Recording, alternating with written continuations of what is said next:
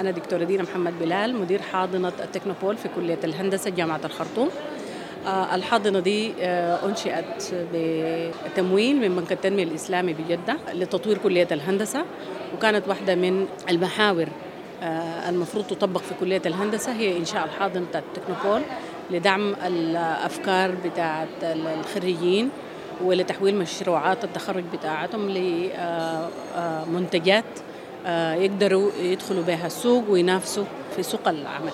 الحاضنة دي زي ما قلت أنشئت سنة 2016 الآن الحاضنة بتعمل على تطوير الأفكار التكنولوجية بالنسبة للمشاريع المختلفة لأنه زي ما أنت عارف طبيعة المشروعات الموجودة في كلية الهندسة هي مشروعات تكنولوجية أو خدمية بالنسبة للقطاع الهندسي نفسه. الآن إحنا عندنا قصص نجاح. أكثر من 15 قصة نجاح داخل الحاضنة. حتى في الآونة الأخيرة ما بس جونا الخريجين لكلية الهندسة الانضمام للحاضنة برضو ظهر طلاب يعني طلاب في المستوى الأول في المستوى الثاني في المستوى الثالث وبادين البزنسز بتاعتهم. وهم الآن في مرحلة متقدمة جدا في إنه يطرحوا مشاريعهم دي لسوق العمل.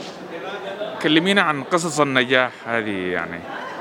عندنا شركات مختلفة. يعني عندنا شركة بتعمل في مجال التحكم اللي هي نظم التحكم في المصانع وفي المجال الزراعي في المجال الصناعي.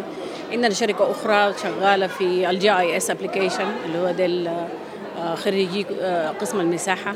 عندنا شركة شغالة في ال e-learning عندنا شركة أخرى شغالة في الصناعات الصغيرة. عندنا جزء كبير يعني اراوند 40% من رواد العمل داخل الحاضنة هم رائدات عمل يعني عندنا شغالين في في في قطاع تمكين المرأة وتمكين الشباب بصورة جيدة طبقا للأهداف التنمية المستدامة لمؤسسه الأمم المتحدة. طيب كلمينا عن التحديات التي تواجه قطاع الأعمال خصوصا بالنسبة للرائدات رائدات الأعمال في السودان. طيب آه نحن عندنا تحديات كثيرة في السودان آه بتعيق الدخول إلى سوق العمل. آه منها أهم واحدة هي عدم الاستقرار ال السياسي والاقتصادي في الدولة. ده أثر آه كثير على على الأداء رواد الأعمال في السودان.